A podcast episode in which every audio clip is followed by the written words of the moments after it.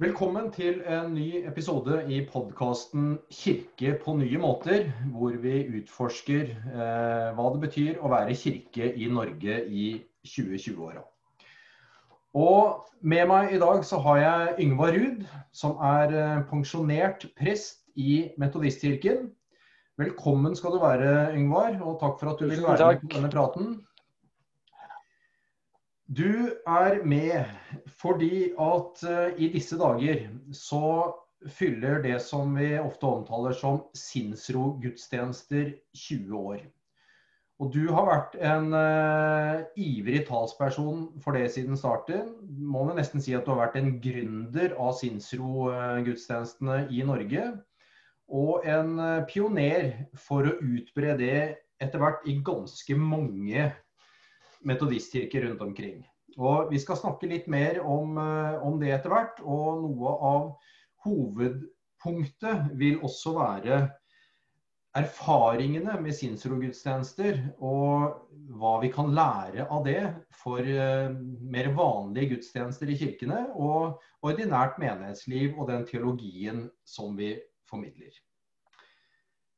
Men aller først, eh, Yngvar. 20-årsjubileum, det, eh, det, er en fin alder, det. Det er vel i sin beste alder da? Ja, la oss håpe det. Det er, det er Først vil jeg si litt om navnet sinnsrogudstjeneste. Det er jo uh, navnet henta fra den såkalte sinnsrobønnen, som er mye brukt i fellesskap som anonyme alkoholikere, anonyme narkomane og slike. Og den avslutter uh, våre gudstjenester gjerne og lyder slik Gud, gi meg sinnsro til å godta det jeg ikke kan forandre, mot til å forandre det jeg kan, og forstand til å se forskjellen. Så uh, dette her starta jo Hvis jeg skal ta en kort bakgrunnshistorie på sinnsrogudstjenesten, er det greit? Veldig gjerne. Ja. Det starta i Stockholm for nesten 30 år siden. Eh, baptistteologen Harry Monshus, som er kjent for mange i Norge også, eh, taler på årskonferansen vår bl.a. i eh, 2009. Han jobba som etisk rådgiver på en tolvtrinnsklinikk eh, eh, i nærheten av Uppsala så oppmuntret han pasientene som han hadde i behandling, til gjerne å besøke en kirke når de var hjemme på perm slik.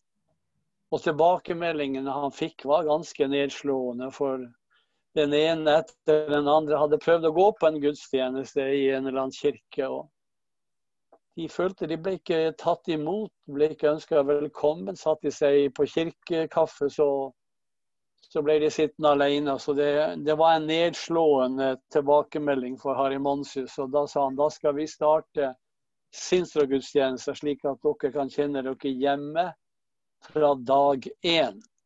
Så vi ser jo allerede her i starten for uh, ca. 30 år siden at gudstjenesten er liksom ikke primært uh, retta mot en vitalisering av menigheten hvor den holdes. Den har ingen fancy liturgi, men den preges av, i veldig stor grad av dem som sitter i benkene. Og det er mennesker som sliter med livet, og det kan være mye forskjellig, ikke bare alkohol og, og rus.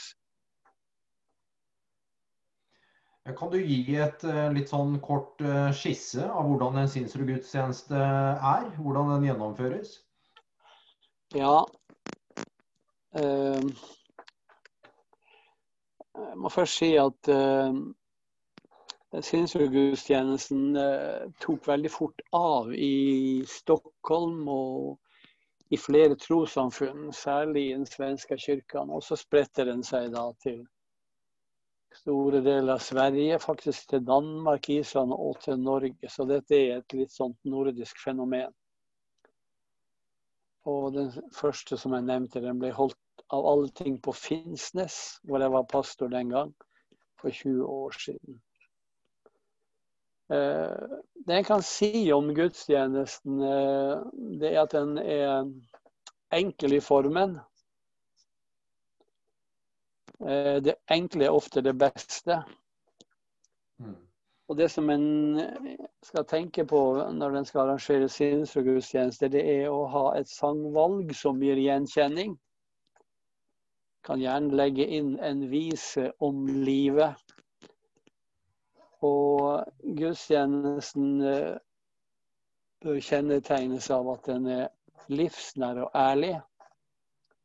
Og liturgien bør en ikke holde på å oppfinne kruttet fra gang til gang. En gjenkjenning der er også veldig bra, tenker jeg. Så har vi da det som eh, er forkynnerdelen. Det kaller vi fra hjerte til hjerte. Og der bør eh, det være en kort og personlig preken. Slik at de som eh, sitter der, virkelig kjenner det kommer fra hjertet, ikke bare fra hodet. Så har vi en del i gudstjenesten som vi kaller for Vi deler med hverandre en åpen mikrofon, hvor folk kan komme fram. Det vi i gamle dager kalte for et vitnemøte. Det er bønnevandring med nattverd. Og i bønnevandringen er det ulike stasjoner som er kjent fra andre typer gudstjenester. Thomas Messe og slike gudstjenester. Og så um, Før eller etter gudstjenesten så er kirkekaffen veldig viktig. Og jeg pleier å si det skal helst være nystekte vafler. Slik at folk som kommer på gudstjenesten allerede i gangen kan kjenne denne lukta som kjennetegner mange sjømannskirker eh, rundt om. Den gode lukta av vafler og eh, nystekte vafler og kaffe. Det er det er en veldig flott måte. Og litt sånn uformelt sitte der og bli litt kjent for disse her som kommer som ikke er vant til å, å gå i en kirke. Det er litt som uh, rammen for en uh, sinnsrogudstjeneste. Og du har jo brakt dette til uh, både de menighetene hvor du har vært prest, uh, men som jeg nevnte innledningsvis, også Eh, vært ganske instrumentell i å få det til i en del andre menigheter. Og eh, hva kan du si om utbredelsen eh, i Norge nå? Hvor står arbeidet til denne 20-åringen? Det står vel der at ca. ti menigheter i, i, av våre menigheter feirer det mer eller mindre regelmessig Dvs. Si ikke oftere enn en gang i måneden. Det gjelder Den norske kirke så, og andre kirker, så er det litt sånn, litt sånn sorgens kapittel. Men eh, nå er det jo av alle ting i min egen hjemby og mine egne trakter, så, så er det i ferd med å bli et sånt lite kraftsentrum for sinnsgudstjenesten. Altså det vil si Narvik mm. og omegn. Så der er det en luthersk prest som eh, virkelig har tent på dette. og så Jeg ser liksom noen håpstegn der, da. Men, men, for deg som prest, da, hva, hva, har dette engasjementet gjort med, din, med hvordan du tenker om det å være prest? Din teologi, deg som eh, liturg, forkynnelse. Har det, har det endra deg mye? Kanskje jeg skal si litt om eh, min vei inn i dette her. For eh, kortversjonen er at jeg var på en landsamling oppe på Hermon i 1997. Og da var jeg på skitur med min gode venn og kollega i sinns- og gudstjenesten, Ole Jakob Vestvik. Og vi gikk og diskuterte på denne skituren, og så var det to spørsmål som han stilte meg, som virkelig satte meg i bevegelse. Det ene var Vet du hva recoverying var? Ja, sa jeg. vet jo hva ordet betyr, men jeg vet ikke hva du tenker på.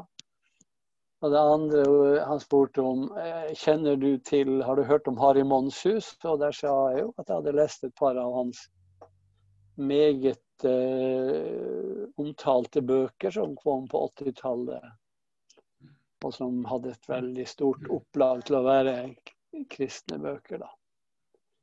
Så disse to spørsmålene ble liksom som uh, en sånn pekefinger som uh, retta, var retta imot Stockholm. For der hadde de eh, Recovery og Sinnsro, og der var det Harry Monsus bodde. Så jeg starta min valfart da til Stockholm i 97 på en sånn høstsamling i, for noe som heter Bromma-dialogen. Og her fikk jeg første gang møte sinnsgudstjenesten. Og jeg har jo spurt meg sjøl hva var det som gjorde at dette traff meg slik og møtte meg slik. Og det henger jo sammen med min egen livshistorie. Jeg er vokst opp i, et, eh, i en familie med en eh, alkoholisthistorie. Min farfar var både same og alkoholiker. Så jeg pleier å si det at her har en liksom en slags skam i et, i et dobbelt mål, fordi det var ingen høydere på den tida å si at man hadde samiske røtter. Og det å vokse opp uh, nær et sånt fenomen som alkoholisme, enten det er som barn eller barnebarn, det, det setter sitt preg. Min far han rørte ikke alkohol, så vidt jeg vet, men var aktiv i menigheten hjemme. Men han var nok prega av sin oppvekst og hadde i liten grad evne til å bekrefte meg i en fase av livet hvor et barn trenger det veldig mye. Så eh, når, når det grunnleggende mangler, så ligger skammen på lur. Og man spør seg er det noe i veien med meg. Hvorfor får ikke jeg høre at jeg er OK?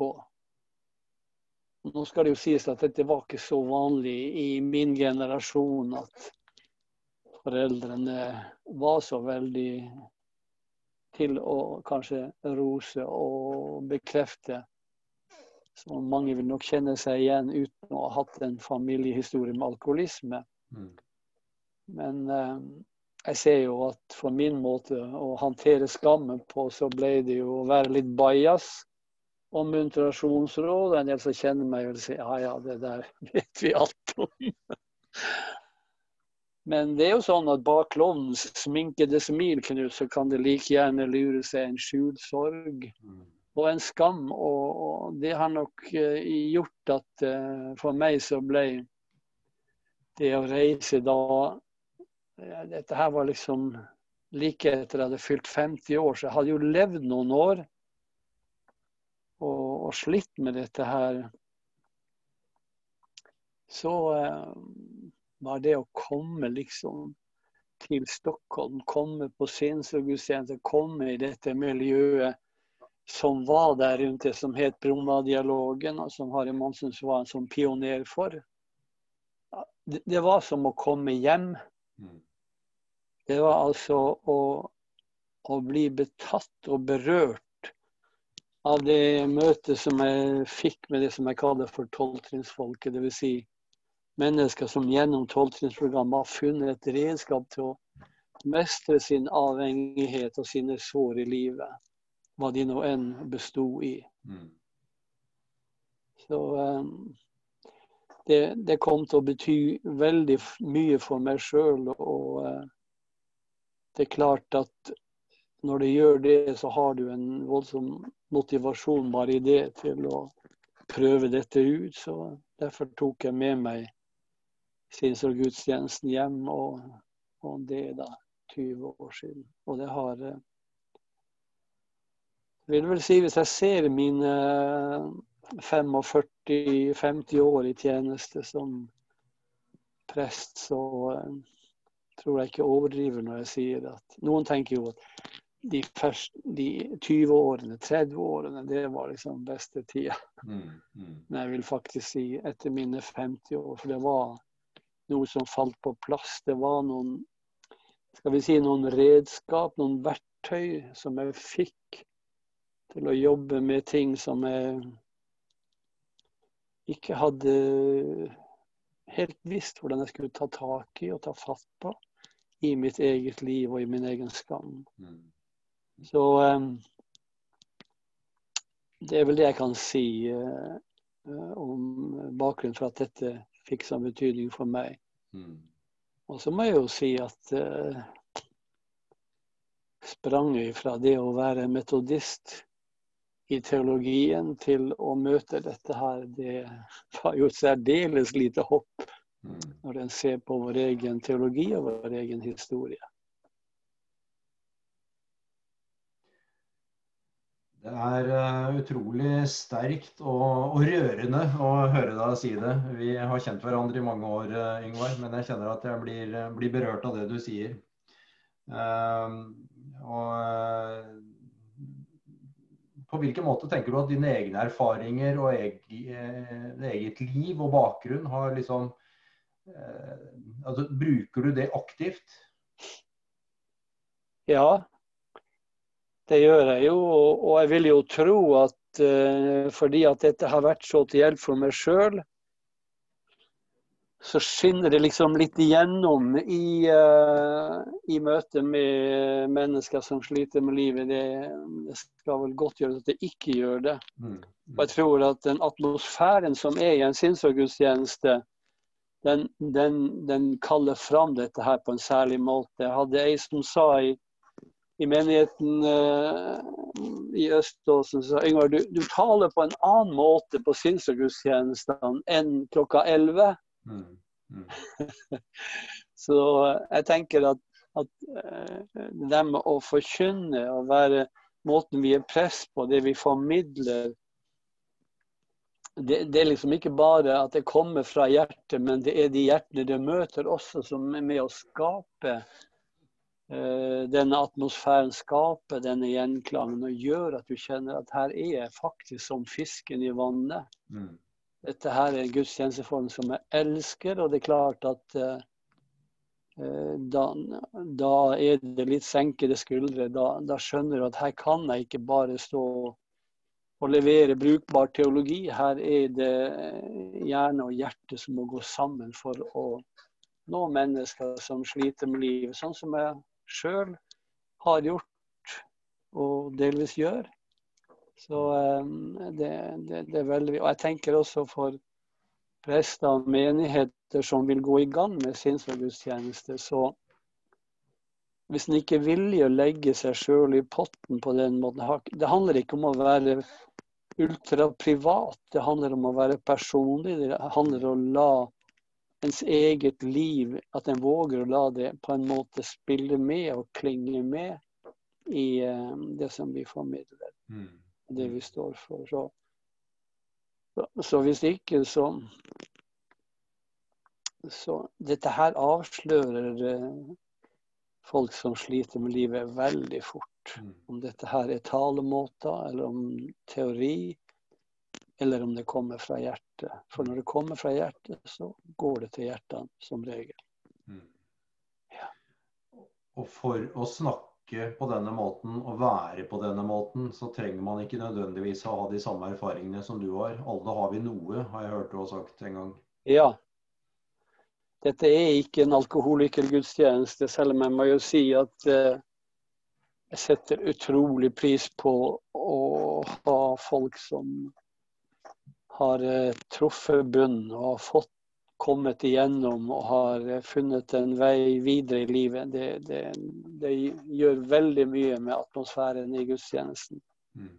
Så kan en få med seg noen av disse her, så er det med å sette et fantastisk preg på gudstjenesten. Vi, vi hadde, da vi starta opp her i Bergen etter at jeg ble pensjonist, så på en av de første så kommer Toril inn i kirka i Fyllingsdalen og, og hadde noe jobb på kjøkkenet å gjøre.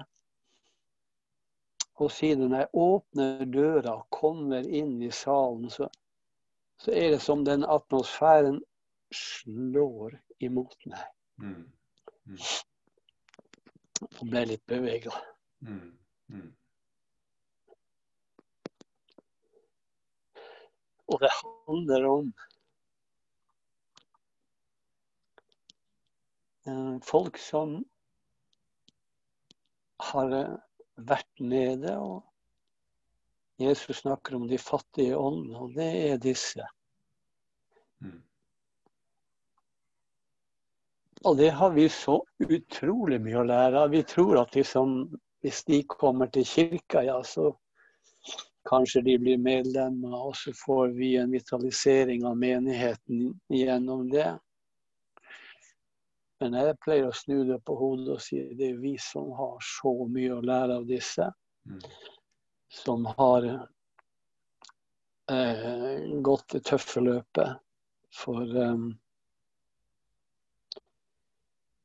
eh, Og kirke er jo født i dette med å være med å omskape livet.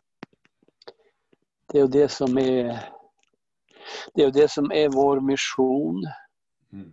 Og, og, eh, da er det så fantastisk å se disse menneskene. De, de, de tar f.eks. de som kommer fra AA, som jo jobber med de tolv trinn i dette tolvtrinnsprogrammet. Altså, de, kommer jo, de har jo vært så langt nede som det går an. Mm. Vi behøver jo ikke å og truer med helvete for dem, for de har vært der. Mm, mm, mm. Så når de står i eh, en sinnsgudstjeneste og, og forteller, så er det ikke hva som hendte for 20-30 år siden som er viktig for dem. Det er hvordan dette påvirker livet deres i dag. Det, det er ferskvare. Mm. Og um, vi som har uh, forlatt tradisjonen med vitnemøter i vår kirke. For, for, I de Guds menighetene har vært Det er en øyeåpner som viser også at vi eh, vi må øve oss litt mer i å snakke sant om livet. Det er jo det de sitter og gjør hver eneste uke mm. i sine tolvtrinnsfellesskap. Mm. De øver seg å snakke sant om livet og dele det som skjer i deres liv. Hvordan det preger deres hverdag. Det var jo det som skjedde i klassemøtene i pionertida i metodismen. Mm. Mm. Det var jo sånn de satt og snakka. Og det var jo det som eh, prega deres liv. Så um, Nei, vi har mye å lære, og, og det merker jeg liksom. Eh, når det... Så en sinns- og gudstjeneste, for å si det sånn, med eller uten folk som har slitt med livet og kommet et stykke vei, eh, det, det, er, det er liksom ikke riktig det samme. Mm. Men er det allikevel Det har jeg vært litt sånn interessert i. for jeg jeg hører Jeg har hørt du har snakka om det, jeg har hørt andre. Jeg kan ikke si at jeg har så veldig mye sånn direkte erfaringer selv, selv om jeg har vært på et par. Men eh, er det noe i denne gudstjenesteformen som lar seg overføre til kall dem gjerne mer ordinære gudstjenester da, og mer vanlig menighetsliv? Eller, eller snur vi på en måte hele problemstillingen på hodet da? Nei, det vil jeg ikke si. Og det, det, det er jo eh, Det fins en bok som heter 'Boken om recovery', hvor sinns- og gudstjenesten er en av de tingene som omtales. Det var liksom en sånn På 90-tallet en sånn eh, svensk bibel for recovery-arbeid. og Der står det at det, det, er ingenting egentlig som er veldig unikt med liturgien i en sinnsgudstjeneste, men det sies at det, det som er veldig avgjørende, det er de som sitter i benkene. Mm. Mm. Og det er litt av det jeg snakka om, det som former atmosfæren i en sinns- og gudstjeneste. Men jeg har jo gått gjennom litt av disse leddene som kan være gjenkjennelige fra Thomas messer og andre typer litt annerledes gudstjenester. Så ingenting av dette er veldig spesielt. Men det er denne miksen av enkelhet, ærlighet og livsnærhet. Gjenkjenning og, og, det å tenke at dette her er en gudstjeneste designa ikke for, for de som har uh, gått i kirka i hele sitt liv, men tenke litt mer for de som dette er nytt for. Mm. Der tror jeg vi har uh, stor, det har stor overføringsverdi til, til andre typer gudstjenester. Mm, mm. Ja. Da, da, handler det kanskje om eh, altså Våre gudstjenester blir kanskje i vel stor grad noen noe som henvender seg til hodet. Kanskje litt sånn akademisk, ikke sant. Vi er eh, etter hvert eh, godt utdanna og snakker et språk som bærer preg av det. Og... Ja. Jeg må jo si at bare det å, å Altså, du ser det i forsamlinga i eh, altså, disse her som kommer utenfra, som jeg sier, som ikke har vært vant til å gå i kirka, de, de har jo ikke skjønt at kirkerommet skal befolkes bakfra. Nei. Så de setter seg på de første benkene. Mm. Og eh, Det er jo det man gjør på konserter og fotballkamp og overalt ellers. ja da. Ja. Og de griper ordet når vi har dette med vi deler med hverandre. De sitter liksom ikke og er redd for å si noe. Og, og eh, jeg må jo bare fortelle en episode fra Øståsen kirke som er ganske rørende. Vi hadde jo hatt sinnssynsgudstjenester i flere år da, og så skulle vi ha 75-årsjubileum i menigheten. Og da kommer disse her eh, tørrlagte alkoholikerne som hadde gått på gudstjenesten igjen og var så takknemlige for det. Så kom de og sier til meg Yngvar, kan ikke vi få lov å ta kjøkkentjenesten på dette her jubileet? Mm. Så disse herne som vanligvis står på kjøkkenet og koker kaffe og, og, og må servere de andre, men at de kan få sitte ned og, og feire de også. Mm. Så de kom og laga i stand lokalitetene, de serverte, de tok oppvasken. Det er ganske gripende, og det sier for en takknemlighet de også da hadde til at vi som kirke åpna våre dører og inviterte de til sinnsgudstjeneste. Mm. Mm. Mm. Og så var det livsnært. Ja, det er sterkt. Du, du var inne på dette med teologien eh, i stad. Eh, for deg som, eh, som metodistisk teolog, så var ikke veien eh, veldig lang til inn i dette med altså tolvtrinnsfolket og recovery og Bromma-dialog og eh, Altså hva, hva, hva kan du si om teologien? Altså, hva, hva bæres den av? Ja. Uh, som jeg sa i stad, så er, eh, så, er sinnsgudstjenesten åpen for alle. Så her er det Når jeg, vi snakker om tolv trinn og, og de som jobber med det særlige AA og anonyme narkomane og den type fellesskap, så er det jo for, for alle. Men eh, tolvtrinnsåndeligheten, som jeg kaller den for, den har jo eh, sterke kristne røtter, ikke minst i metodismen og i Oxford-bevegelsen. Mm. Og slik som metodisme mente seg til arbeiderbevegelsen, så kan jeg vel si at Oxford-bevegelsen, som var en sånn gruppebevegelse i mellomkrigstida, det nådde vel særlig de utdannede og politikerne. Mm. Piffen, unnskyld uttrykket. Mm. Eh, Men der i det var det at eh, AA for 80 år siden oppsto.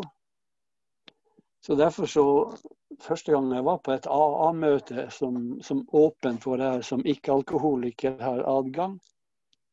Og det vil jeg oppmuntre folk til å gå på i sin lokale i sitt lokale miljø, der det er som regel én gang i måneden, og måneden er det åpent møte. Der kan du komme, og du blir hjertelig ønska velkommen. Mm. Men du får ikke lov å gi kollekt første gangen, og du får ikke lov å, å si en masse. Du skal sitte der og lytte Mm.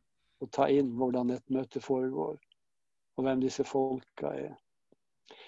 Men i dette her var det jo Jeg ble så slått av hvor mye Gud forekommer, og bønn. Og, så jeg skjønte jo at her var det noe jeg ikke hadde fått med meg. Og Jeg vet ikke om du er klar over, Knut, at andagsheftet i dag Det ble altså brukt i eh, AA-grupper i USA over en tiårsperiode i pionertida som daglige meditasjoner. Andagsheftet i dag. så, så de fikk det inn eh, den veien også, den metodistiske innflytelsen. Mm. Men, men, vi kan bare ta en titt på vår egen kirke fra John Wesley før og etter Aldersgate Street. Han sleit jo ikke med alkoholisme. Men han sleit med en perfeksjonisme mm. som gjorde at han aldri følte at han skikkelig strakk til. Så fikk han jo en braklanding da på sin misjonstur til USA. og det står jo den 24. mai at meget motvillig gikk han til dette møtet i Aldersgate Street. Mm. Mm. Og der får han jo et, et gudsmøte som uh, gjør noe helt nytt i livet hans. Han, han hadde møtt sin rock bottom, som de sier i AA. Ikke på alkoholen, men på noe annet. Mm. mm. Og til og med Første dagen så griper han mikken og vitner om det som har skjedd i hans liv der og da. Men altså tvilen og, og det han sleit med, det kom jo tilbake på ny og på ny. Så det var liksom ikke eh, en gang og, og, for alltid ferdig med det. Mm. Mm. Og når de eh, i tolvtrinnsbevegelse snakker om recovery eller tilfriskning eller gjenopprettelse, så bruker vi ordet helliggjørelse. Mm. Så det er, veldig mange, det er veldig mange ting som klinger i hop her. Og uh, det er ei bok som heter 'Spirituality of Imperfection', altså ufullkommenhetens åndelighet. Mm. Mm. Og det er der jeg føler at vi har veldig mye å lære og hente. Det, det første trinnet i tolvtrinnsprogrammet handler jo om å erkjenne sin maktesløshet. Mm. Og så tar en det derfra steg for steg. Og det er klart at å, å, å bryte med en destruktiv avhengighet, f.eks. alkoholisme, det er liksom ikke bare med en kjempeviljeanstrengelse å skru korka på og si nå skal det holde. De skjønner jo at det er noe mellom ørene de må helbrede og jobbe med. Mm. Og det kommer ikke over natta. Det er derfor det er tolv trinn en prosess. Akkurat som helliggjørelsen er en prosess i metodistisk teologi og tanke. Så, så her er mm, mye uh, som gjensidig påvirker og utfordrer og inspirerer hverandre når jeg tenker vår egen teologiske tradisjon og det som jeg kaller for tolvtrinnsåndeligheten. Mm. Mm. Jeg sitter og tenker på et uttrykk som uh, ærlig kirkeliv, eller ærlighetsteologi. Uh, og livsnær er jo også et uttrykk som veldig lett uh, kommer inn når vi sitter og snakker nå. og det er noe med liksom i hvilken grad tør vi på en måte å åpne opp for hverandre og la vi, jeg tror vi alle er liksom opptatt av den der fasaden. og Det har jo ikke blitt mindre av med moderne sosiale medier osv. Eh, men vi sliter jo noe med, med, noe alle sammen, egentlig. Eh, jeg ja. fortalte jo deg før vi starta her om, eh, om, en historie som jeg hørte fra, fra en menighet hvor det kom inn en ung dame som eh, kom til kirken, oppsøkte kirken fordi at hun hadde hun hadde spontanabortert ganske seint i svangerskapet. Og, så, eh, og trengte et fellesskap med støtte og alt mulig sånn. Og så kom hun i kontakt med to eldre damer i denne menigheten som omtrent hadde sittet ved siden av hverandre på kirkebenken i flere tiår. Og når hun unge dama kom og fortalte sin historie, så fortalte de to begge om at de hadde også en tilsvarende opplevelse, men ingen av de visste om den andre. Men de hadde altså gått til gudstjeneste, vært i samme menighet i flere tiår uten det.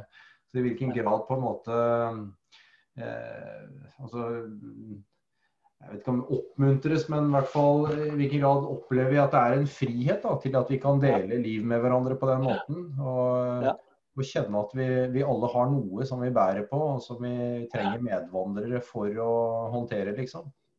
Ja.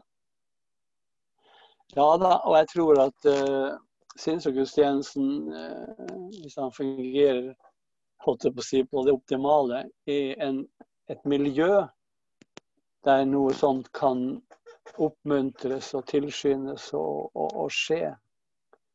Men som jeg sier, det, det behøver ikke å være litt sånne tunge avhengigheter som alkohol og narkotika.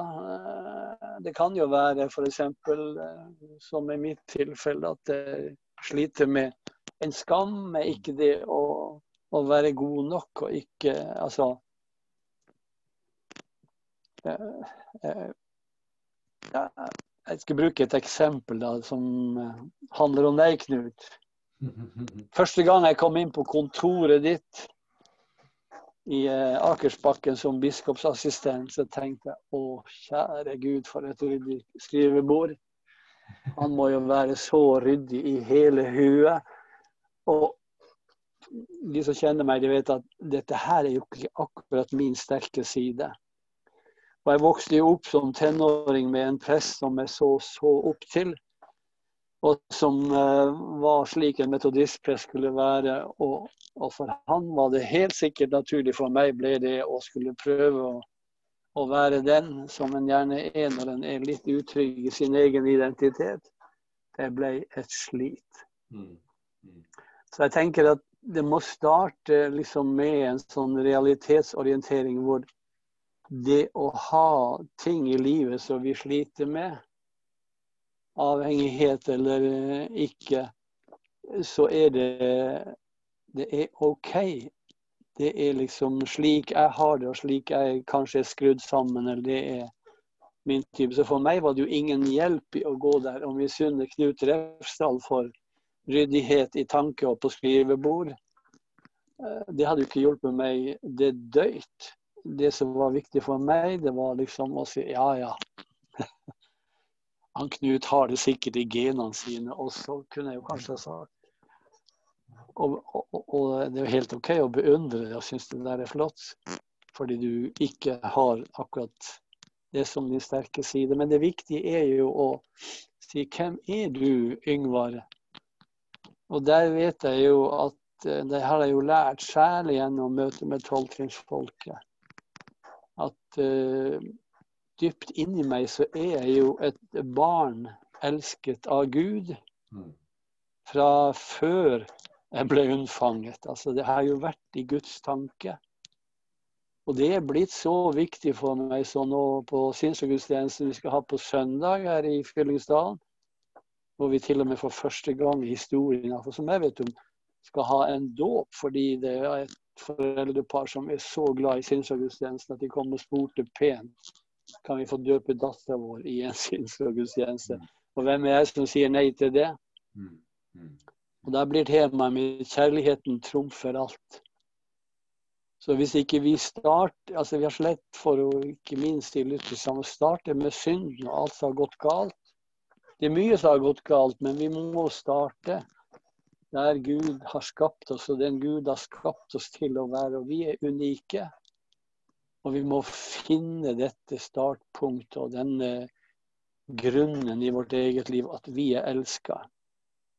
Og um, mm. for meg har jo Guds betingelsesløse kjærlighet og nåde en egen lukt og smak, og det er lukt av smaken av pannekaker. Mm. Mm. Og det har sammenheng med at uh, slik jeg beskrev min oppvekst hjemme, med en far som ikke helt klarte å se meg og bekrefte meg, så hadde jeg ei bestemor i Lødingen som tok imot meg hver sommer når jeg kom på ferie med nystekte pannekaker. Der fikk jeg være konge på haugen, og der var alt jeg sa festlig. Du kan tenke deg hva det gjorde eh, med smågutten og villstyringen Yngvar. Så for meg som voksen så har det kommet til med Yngvar. Der var du borti den betingelsesløse kjærligheten som Gud. Og bestemor i Løding og fikk være et sånt eksempel på det. Og det er noe jeg stadig må tilbake til. og Derfor har vi pannekaker i heimen hver fredag, så alle som vil, kan komme og snuse inn lukta og spise og kjenne at her er vi elsket av Gud, mm. alle sammen. Mm. Det er uh, veldig flott å høre på. Uh, vi tok utgangspunkt i 20-årsjubileum. Hvis du skal se litt inn i framtida, hva slags drømmer og håp har du for Sinnsro-gudstjenestene for de nærmeste åra?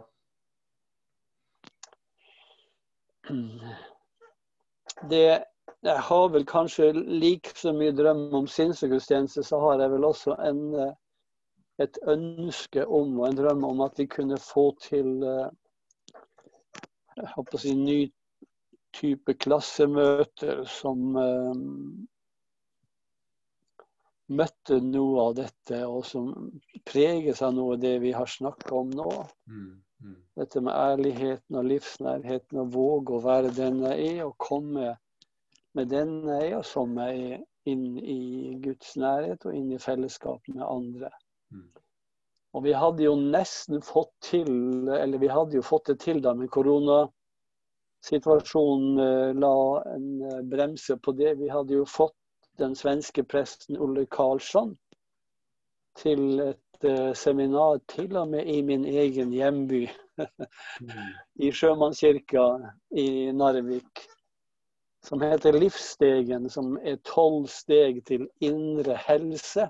Mm. Som er altså tolvtrinnsprogrammet eh, for, for vanlige folk. Eller som eh, Ole Karlsson sier, tolv trinn for normalstørda. Ja. så det behøver ikke å være alkohol eller andre ting. Det kan være andre ting vi sitter fast i. Mm. Mm. Så, så, min eh, drøm er at vi skal få det til, og at det eh, For vi har det bare på vent. Og Der var det flere prester i Den norske kirke i Nord-Norge som hadde meldt seg og sagt de ville komme. Og jeg tror at vi må ha et supplement til sinnsgudstjenesten. Enten det blir i en lokal menighet eller det blir et økumenisk fellesskap i en by hvor vi kan begynne å øve oss i å leve sammen og, og være sammen på denne ærlige og livsnære måten som livsstegen legger opp til. Der går en gjennom de tolv trinn sånn steg for steg, og det er et kurs eller som, som varer eh, et visst antall måneder. Mm. Så det er noe jeg drømmer om. Så jeg er jo snart 74, så jeg håper også etter hvert at jeg skal finne et arbeidslag i kirka eller i økumenisk sammenheng som er med og tar sinnsgudstjenesten videre. Mm. Takk for en uh, ærlig og sterk og, og, rørende samtale. Og det er godt å kjenne på uh, at vi er uh, Vi berøres av hverandre også når vi snakker over nett, og blir berørt av hverandres historier. Og ikke minst takk for det engasjementet som du har hatt for dette, og for, for, mange av de som har blitt sterkt berørt av det gjennom så mange år. Jeg må få lov å si til slutt at jeg har jo i ti år fått lov til å jobbe i Betanien i Oslo i en deltidsstilling med dette som kalles for Treffpunkt Recovery, som jo er et møtested for livsmot og håp, som det står på logoen. Mm. Og Betanien ga oss eh, fantastiske muligheter til å ha inspirasjonssamlinger for prester i Oslo-området som ville starte eller hadde starta prester og diakoner. Og vi dro på studieturer, og vi hadde regionale og nasjonale samlinger. Og vi har jo hatt både Ole Karlsson, som jeg nevnte, og Harry Monshus som gjesteforelesere. Så jeg må jo si en, en, varm takk til Britannia. Nå er jo ikke den muligheten der lenger, men det er jo da Metodistkirken Nasjonalt Råd som på en måte holdt på å si, våker over dette arbeidet videre. Og jeg håper virkelig at i en eller annen form, som har skissert litt, skal, skal leve videre og skal vokse. Vi lar det være siste ord. Takk, for, eh, takk for praten. 你就说